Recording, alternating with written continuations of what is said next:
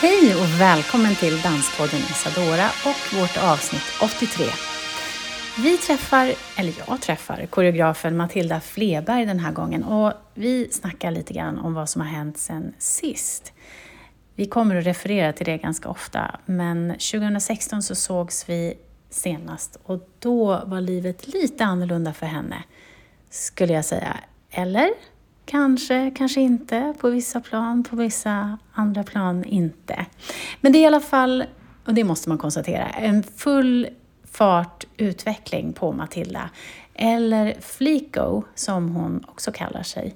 Och om du lyssnar så kommer du att förstå varför och vad det betyder. Vi inleder i alla fall det här samtalet sittandes på hennes otroligt mjuka matta och stora, enorma matta på kontoret. Och jag kan säga att jag har fått klippa en hel del för att, inte för att det är dåligt, utan för att jag har försökt att begränsa det här avsnittet till att handla om henne faktiskt. För hon är väldigt bra på att också lyssna. Så jag behövde begränsa det här för att det ska handla om henne och inte en massa andra människor som vi också nämner. Sen kommer det att vara sånt med, men, men jag har fått klippa en del. Men jag tycker att det är dags nu, för nu kan vi smyga in och börja lyssna. Det är också när det blir eh, lite casual och avslappnat, att det inte är så himla... Nej, det är bra. Det, det är ju seriöst såklart, och så, ja, men, men, det, men det, det, det är också fint att det bara blir Mm. Eh, men ett riktigt samtal och att det inte är nu sätter vi oss här och bara, Nej. här låter det bra. Nej, det, det känns som att det automatiskt blir som ett, jo, um, det är ju ett det. Så här skydd, alltså ja. lite så här stelhetslager. Mm. Mm. Ja, men det har du rätt i. Ofta så blir det bästa samtalet när man har stängt av då. Ja, men jag kan tänka mig att det verkligen är en konst just att få men få igång ett så intressant samtal som också känns så genuint och att det blir men ett utbyte och man känner också att personen får komma fram på riktigt och att det inte bara är ett, men som du säger, så här, fråga, svar, fråga, svar. Och... Nej, precis. Det är ju en skräck. Men jag mm. tänker nog att det är lite så med avsnitten att folk lyssnar nog om de är intresserade av personen ja. eller eh, vill liksom lära känna liksom den, ja. en viss scen eller en viss typ eller något sånt där. Ja. Det känns som att det för där som jag sa till dig, att det är många elever som har kommit mm. fram till mig bara, men jag lyssnar på det här. Mm. Då är det många som har sagt att de har fått i uppgift i skolan Jaha. Att de ska välja ut ett avsnitt från, från podden så som, de tycker, som de är så nyfikna på, som de tycker är spännande. Nej men vad eh, kul! Så, så, jag tror att det är många som använder den som eh, skolmaterial just på dansutbildningar och sånt. Så det, det är ju perfekt för att det är ju det jag vill. Mm, alltså, ja. Det är en jättestor grupp som jag önskar mm. lyssnar. Ja. Det är ju suveränt, det visste ja. jag inte om. Nej.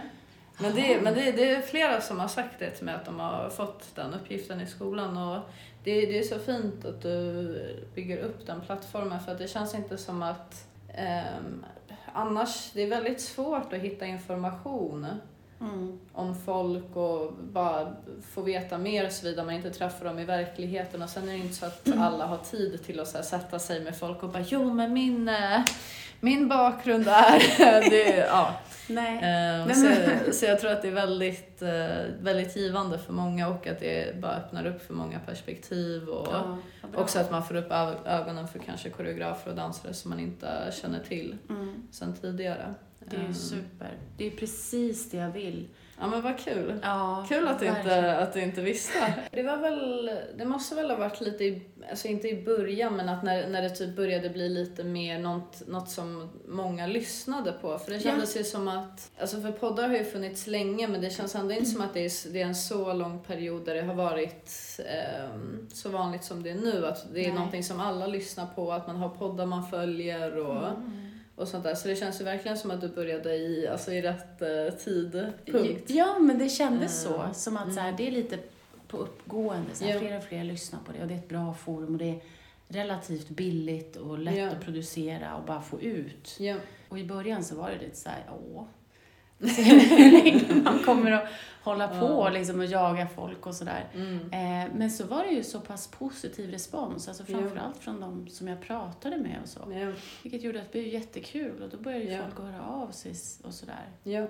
Då blev jag, då, då, ja, men då, då blev jag pepp och så insåg jag Mm. att så här, det här är viktigt. Eh, Verkligen. inte bara för mig, utan för att Ja. jag tycker att det är intressant, utan det finns Det finns som- många som, Mm. och det, det känns verkligen som att det finns ett tomrum Ja. ehm, på det. För det, det är lite det jag kände just med det här eh, som jag berättade innan med koreografiprogrammet. Mm. Att jag, det, det känns som att det finns så mycket inom vissa områden i dans. Att det finns massa dansutbildningar, det Mm. finns massa klasser att ta, det finns onlineklasser, det Mm. finns camps, det finns såhär, Ja, just det. intensives, det finns, så, det finns ett så stort utbud. Men Ja. sen är det vissa områden där det fortfarande är såna stora luckor som ja, men, eh, till exempel med koreografi.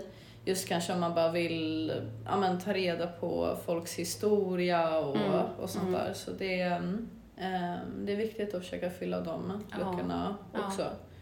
Ehm, för annars så tror jag att saker bara kommer alltså, fortsätta lite så som de alltid har gjort om det inte är någon som Mm, mm. liksom aktivt bara, men nu, jag fyller det här tomrummet.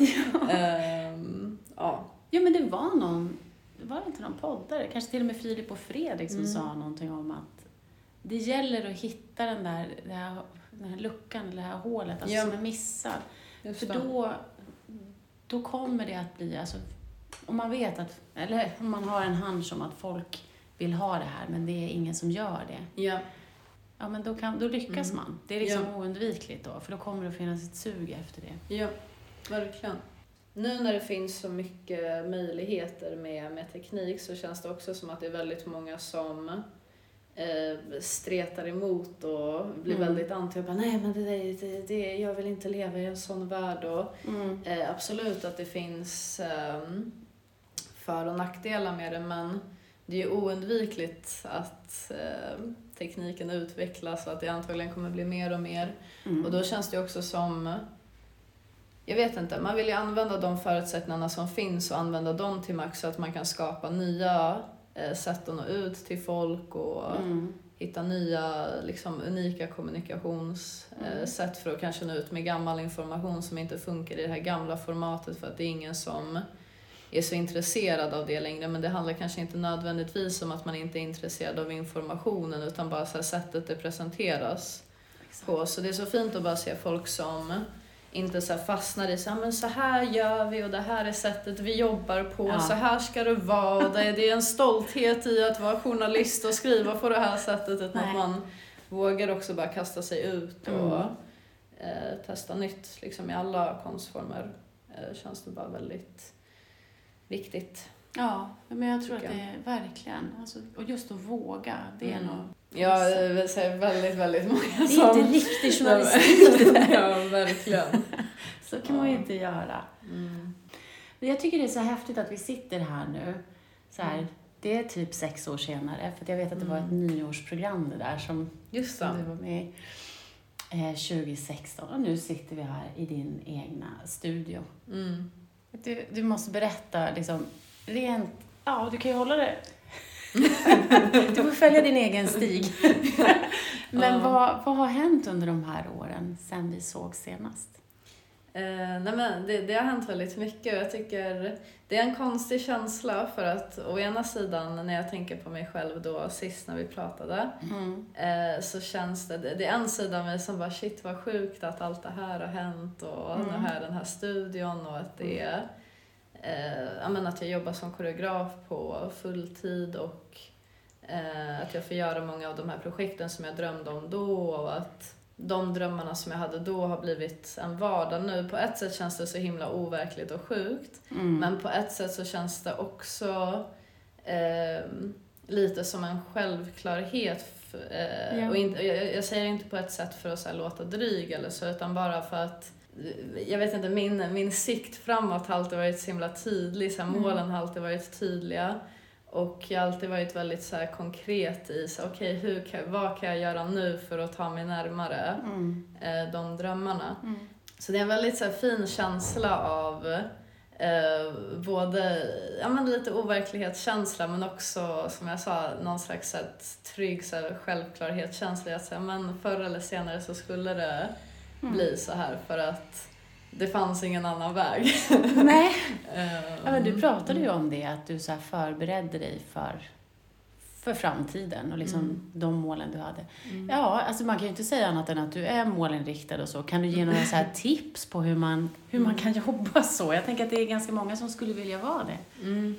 Nej, men jag, jag tror, ehm, eh, för mig, struktur och disciplin har alltid varit väldigt viktiga verktyg. Och jag tror det finns inga så här, ingen rätt eller fel eller så här, bara en väg att gå. Men för mig har jag känt rent kreativitetsmässigt att just struktur och disciplin har alltid varit någonting som eh, förstärkt min kreativitet snarare än förminskat den. Mm. För det känns som att det är många som, ehm, ska förklara, har en bild av att eh, kreativa människor är i något slags konstant flow, att man så alltid har bra idéer det. och att så antingen så har man det eller så har man det inte. Om Mm. man inte har det då kan man inte bli en koreograf eller en kreativ person. Och, Mm, mm. och så. Men om jag ska vara ärlig så skulle jag ändå säga typ att 90% av tiden som jag koreograferar eller skapar, alltså det, det är inte speciellt flowigt och kul utan det är bara att jag, jag har jätte, jättemycket dippar och det känns som att känslomässigt är min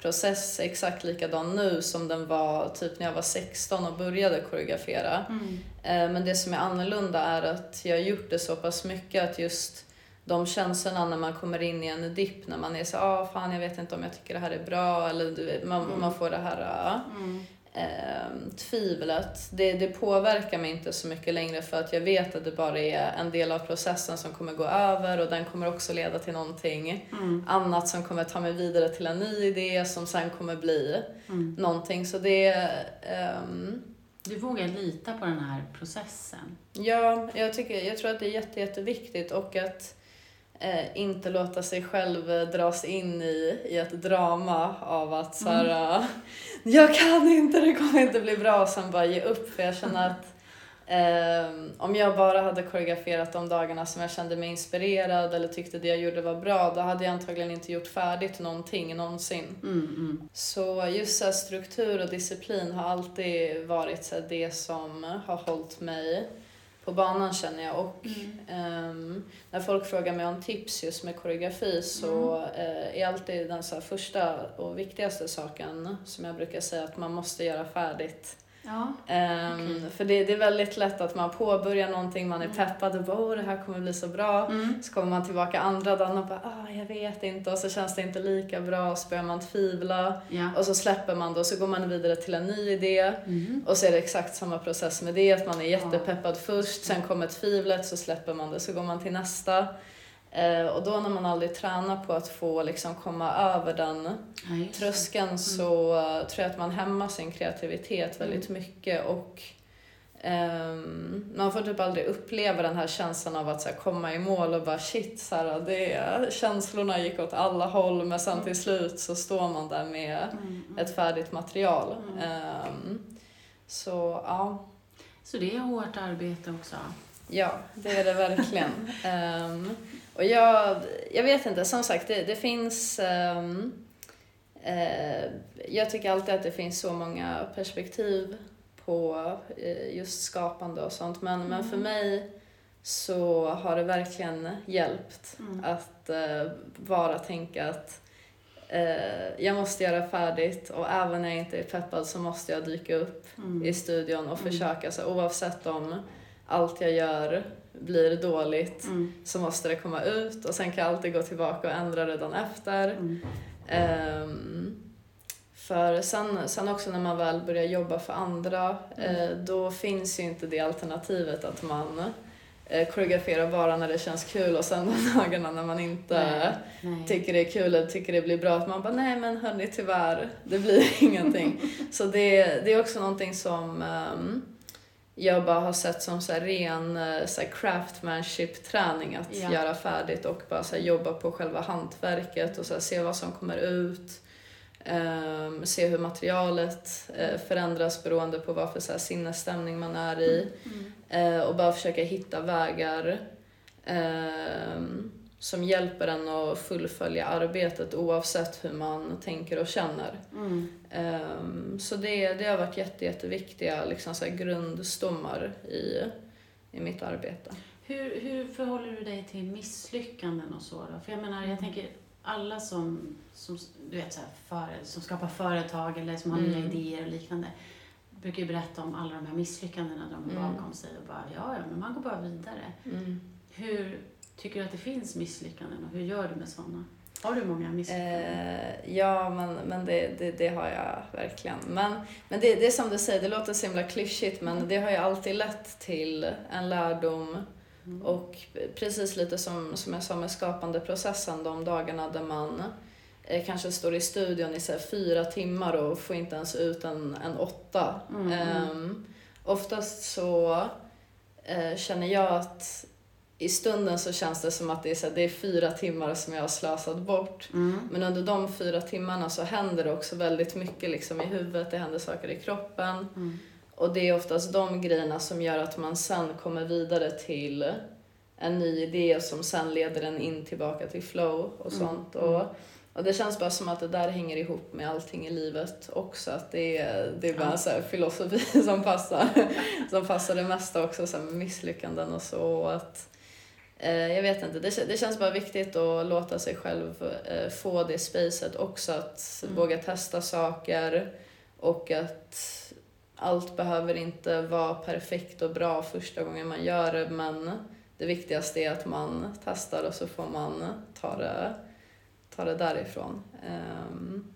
Men är du perfektionist, alltså sen när det kommer till det slutresultatet då eller? Mm. Alltså jag tror att om du hade frågat mig 2016 så hade jag sagt ja. Det sa jag. Eh, och sa, sa jag att jag var perfektionist då? Ja, jag kommer inte ihåg. Du pratade om, tror jag, dig, dig själv, alltså inte så här, jag är perfektionist, Nej. men du sa att om man är det så vill man göra så här och så här. Ja. Och så pratade du nog om dig själv då. Ja. men, men du menar, har det utvecklats på något uh, sätt? Eller? Ja, för att nu, um, jag vet, jag, jag tror, jag, jag, trodde, jag har alltid trott att jag är en perfektionist men nu äh, inser jag att jag är inte det alls. Alltså jag, jag lägger ner extremt mycket arbete och tid och tanke på allt jag gör yeah. och är väldigt um, så analytisk och detaljerad. Um, men jag känner också, det finns något uh, citat, jag vet inte vem som har sagt det, um, men gällande så målning och konst, typ att så här, a painting is never finished, you just decide to stop. Eh, och det, alltså typ när jag läste det, jag bara gud, det är verkligen så. För att det känns också, alltså när jag koreograferar, det känns som att jag kan ändra saker mm. alltid. Och allt mm. jag har gjort, alltså när jag tittar på det i efterhand så ser jag alltid saker som, bara men det där hade jag kunnat göra på det här sättet och då hade det här blivit mycket bättre.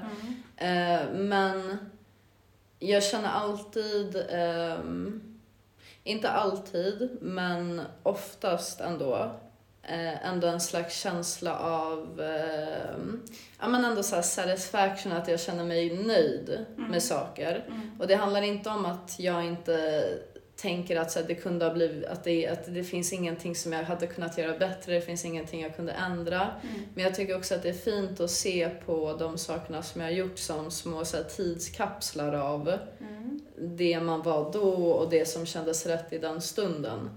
Och då känns det inte som att man är så perfektionistisk. För, att då känns, för det känns som att om man är perfektionistisk så är man ju ganska så kritisk. Eller jag vet inte.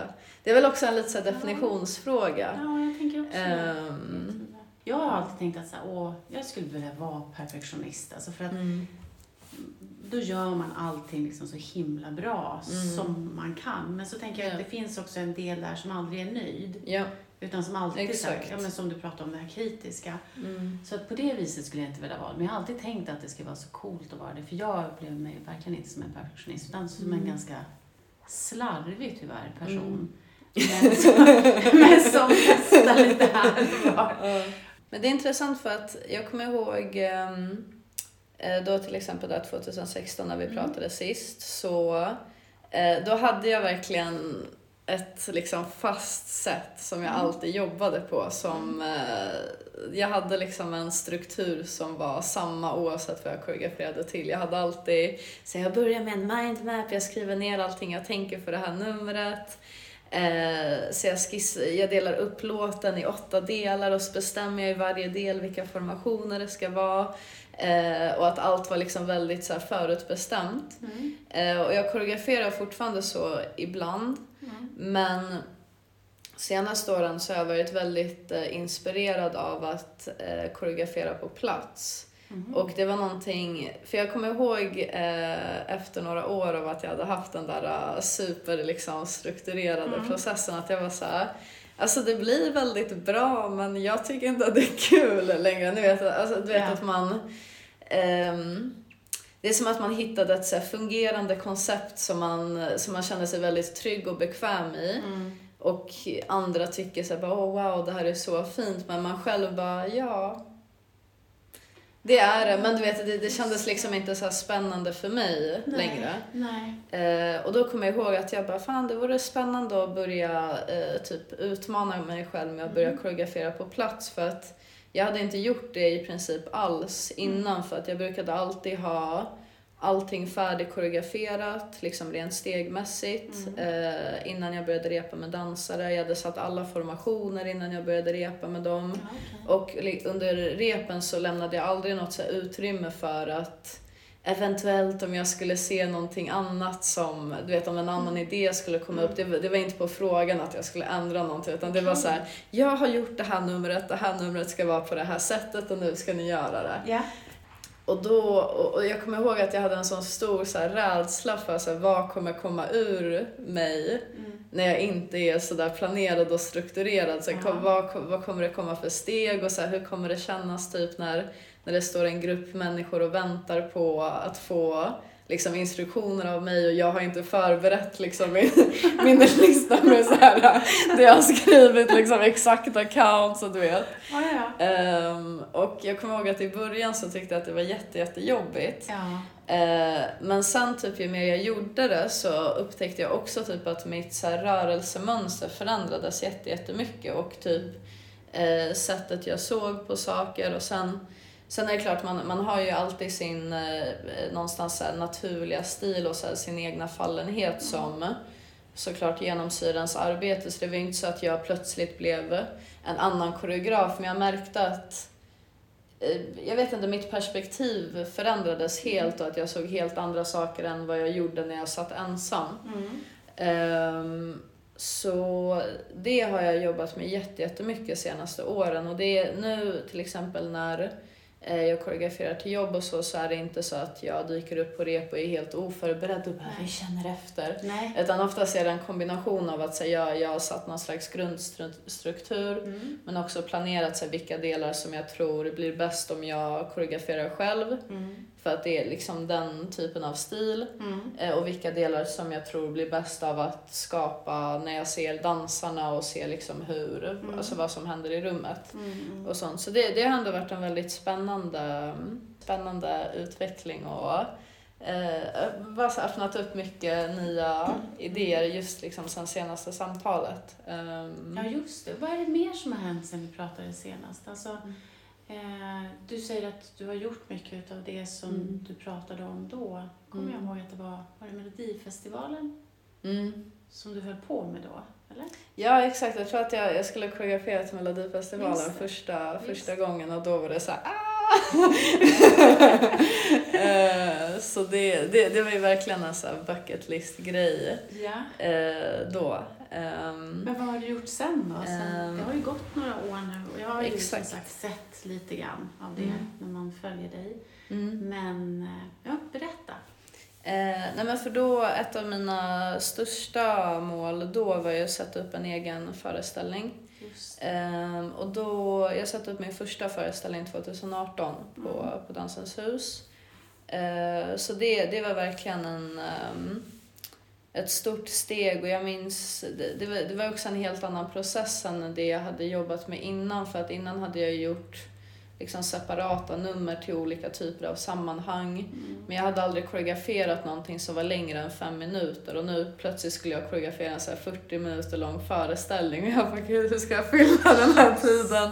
Och du vet också bara få arbeta med ljus och scenografi och liksom allt det som tillkommer runt omkring och eh, fundera ut så här, vad, vad vill man ha för så här, marknadsföringsmaterial och, och sånt där. Så, så det, var, det var jätte, jättespännande. Eh, så det, det kommer jag ihåg också var bara en så stor eh, milstolpe för mig och Eh, nu, nu, ska jag, nu håller jag på att jobba på min andra föreställning Mm. som också ska spela på Dansens hus nu Mm. i vår. Eh, så det ska bli spännande också att se vad som kommer ur nu, kommer ur mig nu för Mm. att eh, Ja men precis som jag sa, det känns som att mitt så här, tankesätt har förändrats ganska mycket sen, Ja. sen då. Det är vissa saker som är kvar men just det här sättet jag skapar på är väldigt annorlunda. Mm. Eh, och jag minns att då kände jag en ganska stor stress som sagt kring så här, hur ska jag Ja. fylla de här 40 minuterna. Eh, för att jag var väldigt eh, fokuserad bara på stegen och liksom just koreografin och Mm. så.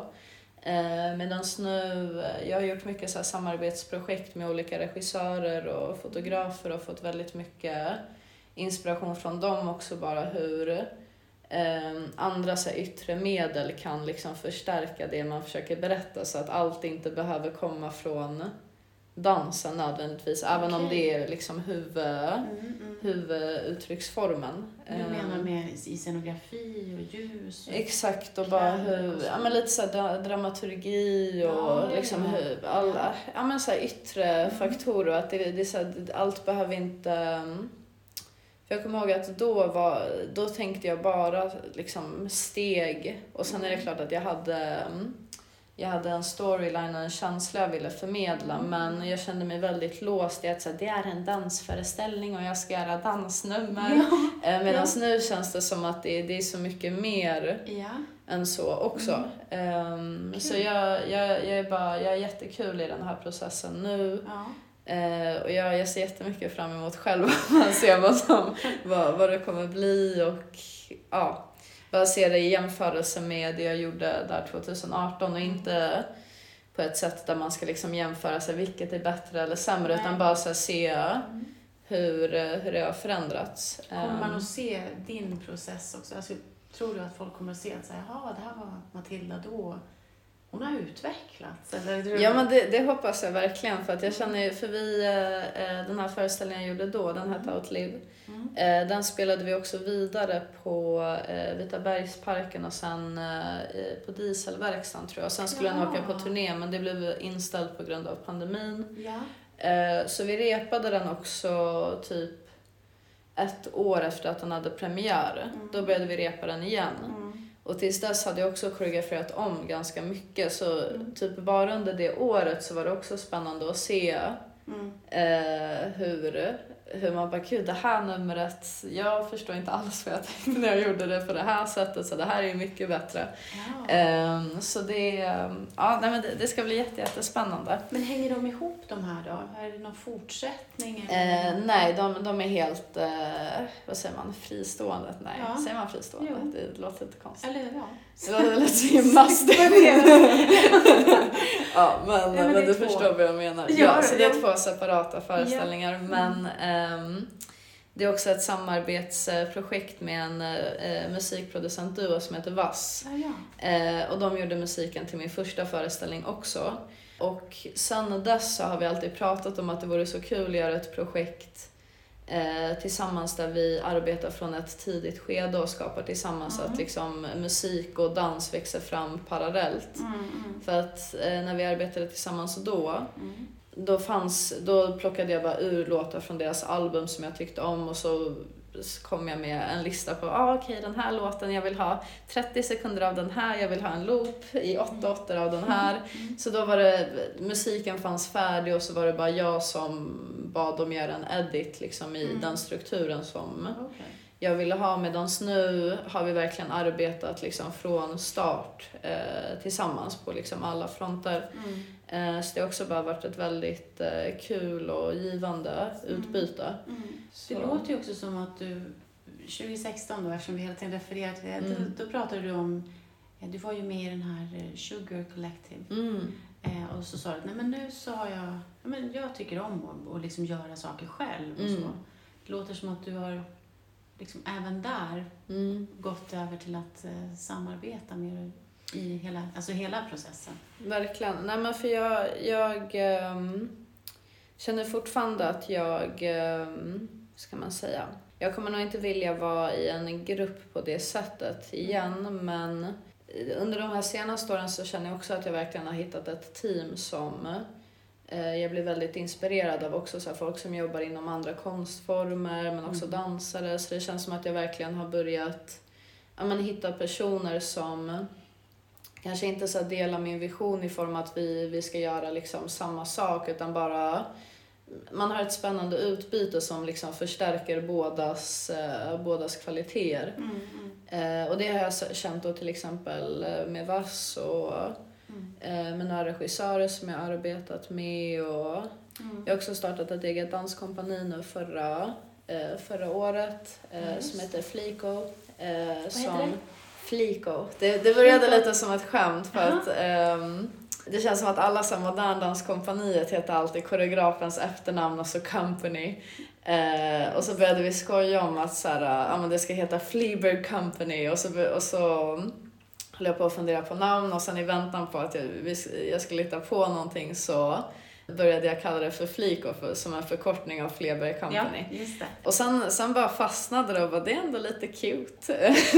eh, och så orkade jag inte komma på något nytt så det, det bara blev så. Eh, och det startade jag just för att jag ville ha eh, typ en plattform för mig själv där jag bara testar massa idéer utan att ha någon så press från någon annan att det ska vara på ett visst sätt. Och Mm. jag har fått väldigt mycket med sig intresse för typ dans i film och videoform. Mm. Ja, så jag, jag ville bara hitta någon slags plattform där jag kan börja Mm. utvecklas mer kreativt och eh, ja, men skapa mer egna projekt där jag eh, kan bossa runt själv. Och så Ja. kan man ta in liksom andra Ja. creatives som, som man tycker passar. Eh, så det, det känns jätte, jättekul. Eh, så jag började med det för eh, lite mer än ett år sedan. Ehm, och så släppte jag en första dansfilm i, nu för några månader sedan. Mhm. Ehm, och ehm, Ja, men det har man sett lite inslag av, va? Mm. Alltså delar. ja, Jag har ju velat så här... Ja, alltså jag, har- jag har en, här, en så här favorit där, där det, det är Mm. några händer som möts. Och så. Det är en Mm. väldigt kort sekvens bara. Den är ja den kanske- här blåa med himlen. Exakt, den visade så här hur vi behöver Ja, varandra. Och det finns på... Ja, mm, det var verkligen bara ett sidospår, men jag blev så... jag gillar det. Jag gillar också när, det liksom, när man ser att saker och ting hänger ihop. Bara Mm. man liksom öppnar upp för det Verkligen. Så kan det verkligen göra det. Mm. Men du har ju gått från, du har plockat in eller fått uppdrag också i, inom modevärlden. Ja. Hur kommer det sig? Hur... Nej men det var, helt ärligt, jag vet inte. det, det, det, var, eh, det var hände för förra, mm, nu, vad blir det, typ ganska, ganska exakt ett år sedan. Eh, så fick jag förfrågan om att eh, koreografera en kampanjfilm för eh, Diors vår-sommarkollektion. Mm. Och jag, men, jag, jag minns att jag bara tyckte att det var ett så här eh, surrealistiskt mail för först fick jag något lite så här kryptiskt så här Hello Matilda, uh, we're doing a commercial and we are wondering if you're available these days” Så jag bara, det, det stod liksom ingenting om vad det var, vart det var någonstans, vilket liksom märke och jag bara, det låter typ lite sketchy.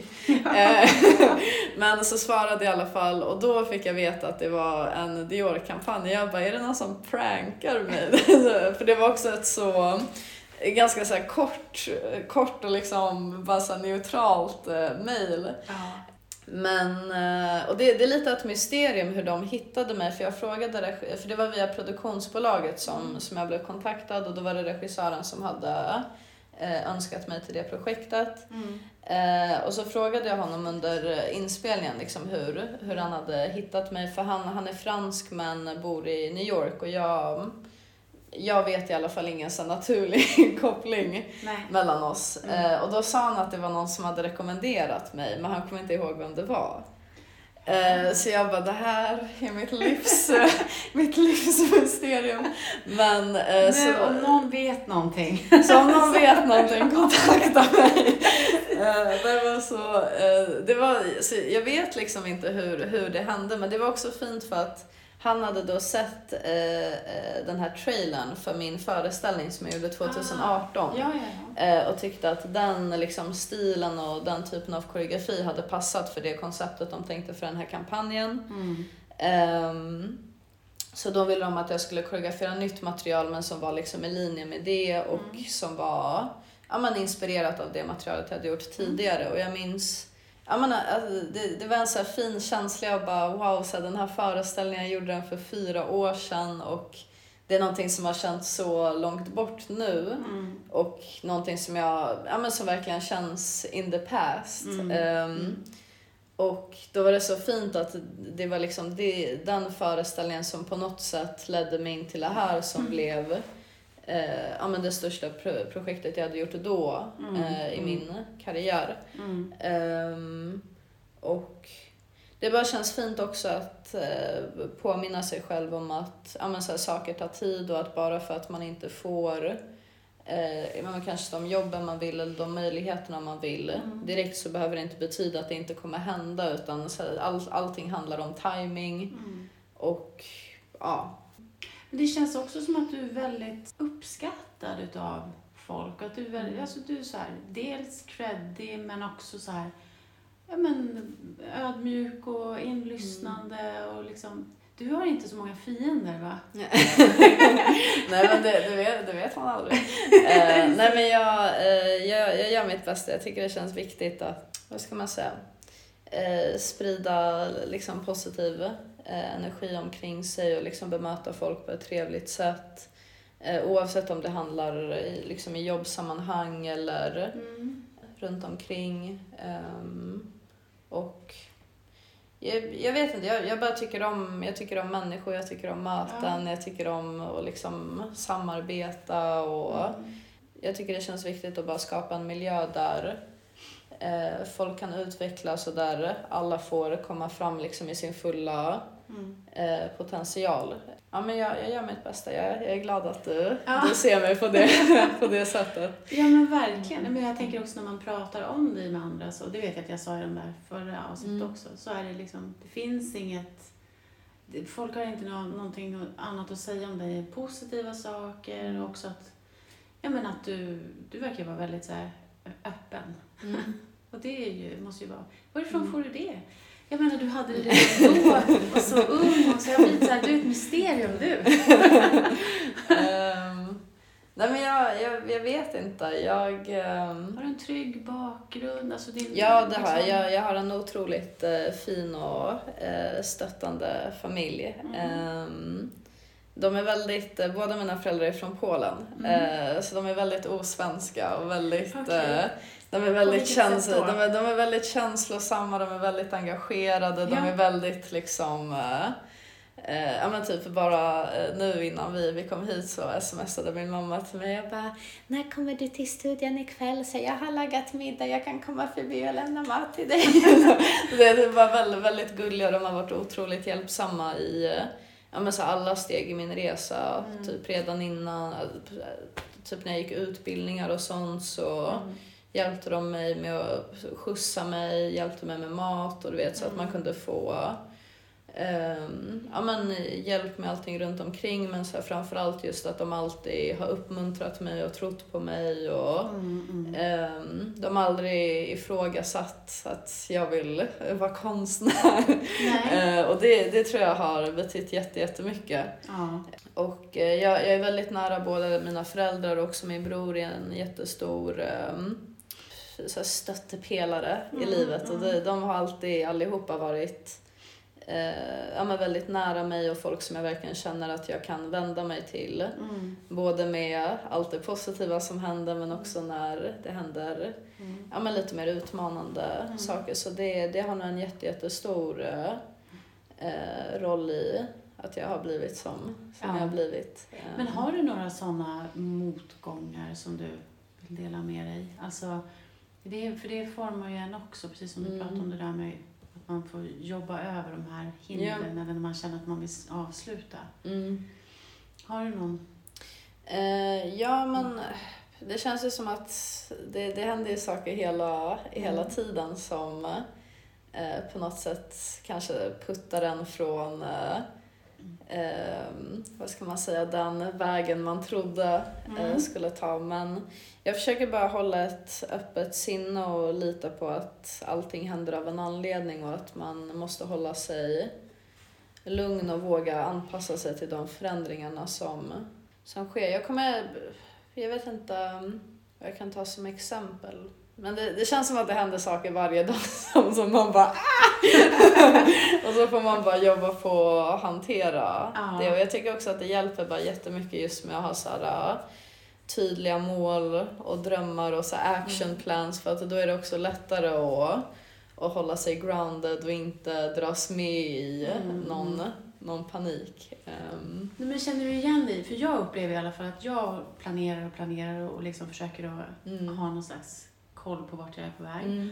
Men så, jag vet att jag alltid behöver göra om de där planerna. För att det är ju liksom, och Ja. därför så är jag nästan, så när jag planerar nu så vet jag att så här, åh, sen kommer det förmodligen, om det inte blir så, så blir det så, det är okej. Mm. Det känns ganska flytande. Och sen, Verkligen. sen händer ju saker också som man inte kan Verkligen. planera. Mm. Ja, nej, men det känns ju verkligen som att det är en balans i det där med att jag känner, ja, men, lite för att koppla tillbaka till det här med dis- disciplin och struktur, att det är så himla viktigt för att man ska ha ehm, ja, men, så rutin och någonting som liksom driver en framåt och, Mm. och hjälper en att få um, vet inte, för annars, så abs- drömmar och mål kan vara så himla abstrakt. Mm. Eh, och då tycker jag att det hjälper en att eh, hålla, hålla siktet, Mm. siktet framåt. Mm. Men sen precis som du säger så förändras ju saker hela tiden. Mm. Saker händer som gör att man inte kan göra det på det sättet man har planerat. Mm. Och då måste det också finnas en så öppenhet och flexibilitet till att Mm. eh, och tänka om för att det går ju heller inte att det känns inte heller som att det går att röra sig framåt om man hela tiden arbetar emot de förändringarna som kommer på vägen. Nej. Ehm, så det känns som att det är verkligen en balansgång det där med att hitta Mm. ja, men, ja, men struktur som funkar men att man också hela tiden håller ett Mm. öppet sinne. Och det, det, det är det jag också funderat på mycket rent eh, i mitt skapande. Just det här med när jag började koreografera mycket på plats. Att, jag vet inte, det där gamla sättet jag brukade koreografera på, det kändes lite som att det var, du vet, att man så det här är sättet och det här ska ta mig framåt. Och du vet, så, så kom det lite andra idéer ibland Mm. som man bara, oh det kanske vore spännande. Så bara, men nej, det här är sättet. eh, och, ehm, Men det var ett sånt här, du visste att det funkade. exakt. Ja. Ehm, Och du funkade med det.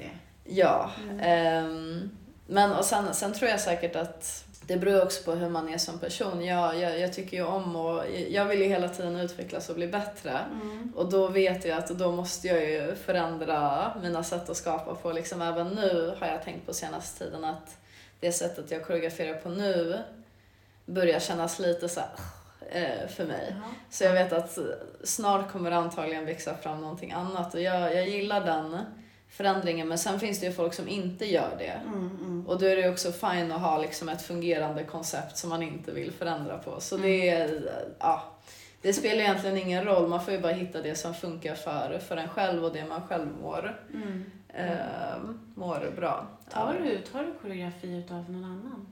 Eh, inte så mycket längre. Nej. faktiskt. Ehm, det händer då och då, men för när vi pratade sist då jobbade jag fortfarande väldigt mycket som dansare själv, men eh, det har verkligen blivit mindre och mindre just för att jag vet inte, jag, jag tycker bara det är så mycket roligare att koreografera och Ja. vara liksom ansvarig för eh, den liksom helhetsbiten. så Mm. Ehm, det, det hände väldigt naturligt. Det, jag, jag har aldrig gjort något så aktivt val i att så, här, nu ska inte jag jobba som dansare längre. Utan det känns bara som att det var en så här, förändring som skedde väldigt organiskt. Både, från mitt håll men också från, från andra.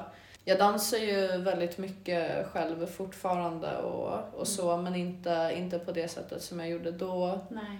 Eh, och jag tar fortfarande klass ibland.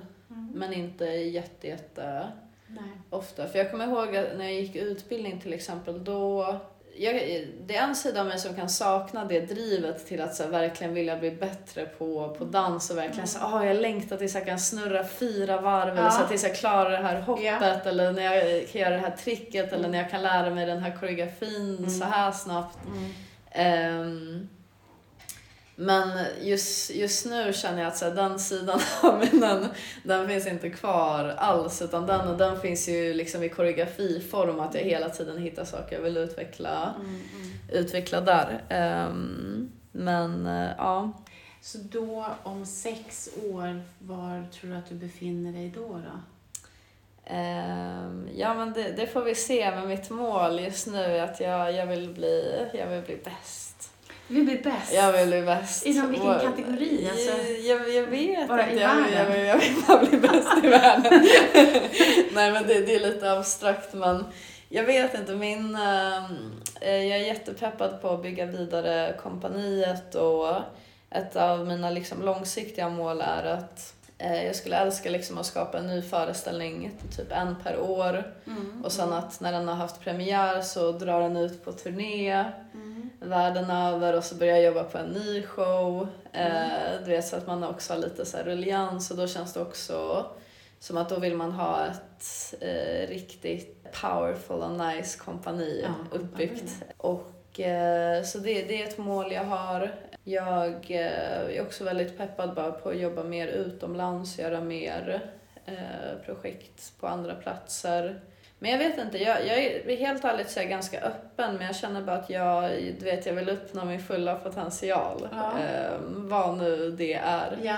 Eh, men just nu lägger jag bara väldigt mycket tid på att dels liksom utvecklas som koreograf men också bara lära mig nya saker från andra områden som mm. kan liksom utveckla min kunskap och det är därför jag också är så glad över den här studien, att jag nu har en plats där jag kan skapa när som helst. Så jag kan ta hit folk som dig idag och ha möten och bara prata och ha liksom intressanta utbyten. Och att mm. just det att ha en egen sån kreativ plats känner jag gör så himla mycket. Mm. Um, så ja, nej, vi, vi, får, vi får se vart jag är om sex år. Vi, vi får börja ha så här, vad heter det, sexårssamtal.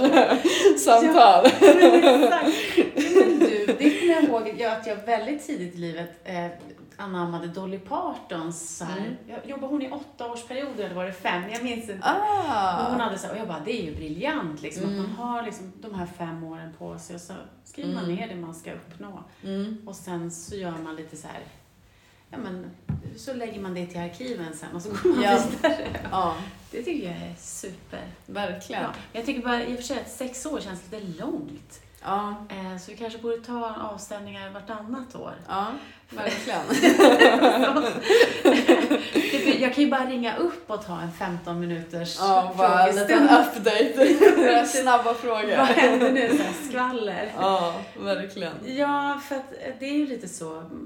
Som den där konstnären, vem det var, som mm. sa det. Att det tar aldrig slut, man måste bara bestämma sig för Ja, nu, så nu, nu, är det, nu slutar jag. Ja, precis. Och det är väl det vi får säga nu med. Mm. Tack så jättemycket. Tack själv. Underbart. Fan, jag vill inte. Så var det klart. Du har nu lyssnat på avsnittet med Matilda Fleberg i Danspodden Isadora, vårt 83 avsnitt.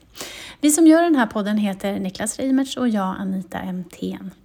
Hör av dig till oss med kommentarer, tips eller bara för att säga hej på isadorapodd.gmail.com. Vi stavar isadorapodd med ett D. Eller så kan du alltid gå in via Facebook eller Instagram eller liknande där vi heter Isadora-podden med e. eh, du kan eh, prenumerera på oss men det enklaste är väl bara att eh, följa oss, alltså trycka like på Spotify och hålla koll på om du lyssnar på Soundcloud eller Acast eller liknande. Det där är nog inga problem för dig. Tack så mycket för att du lyssnade. Vi hörs snart igen.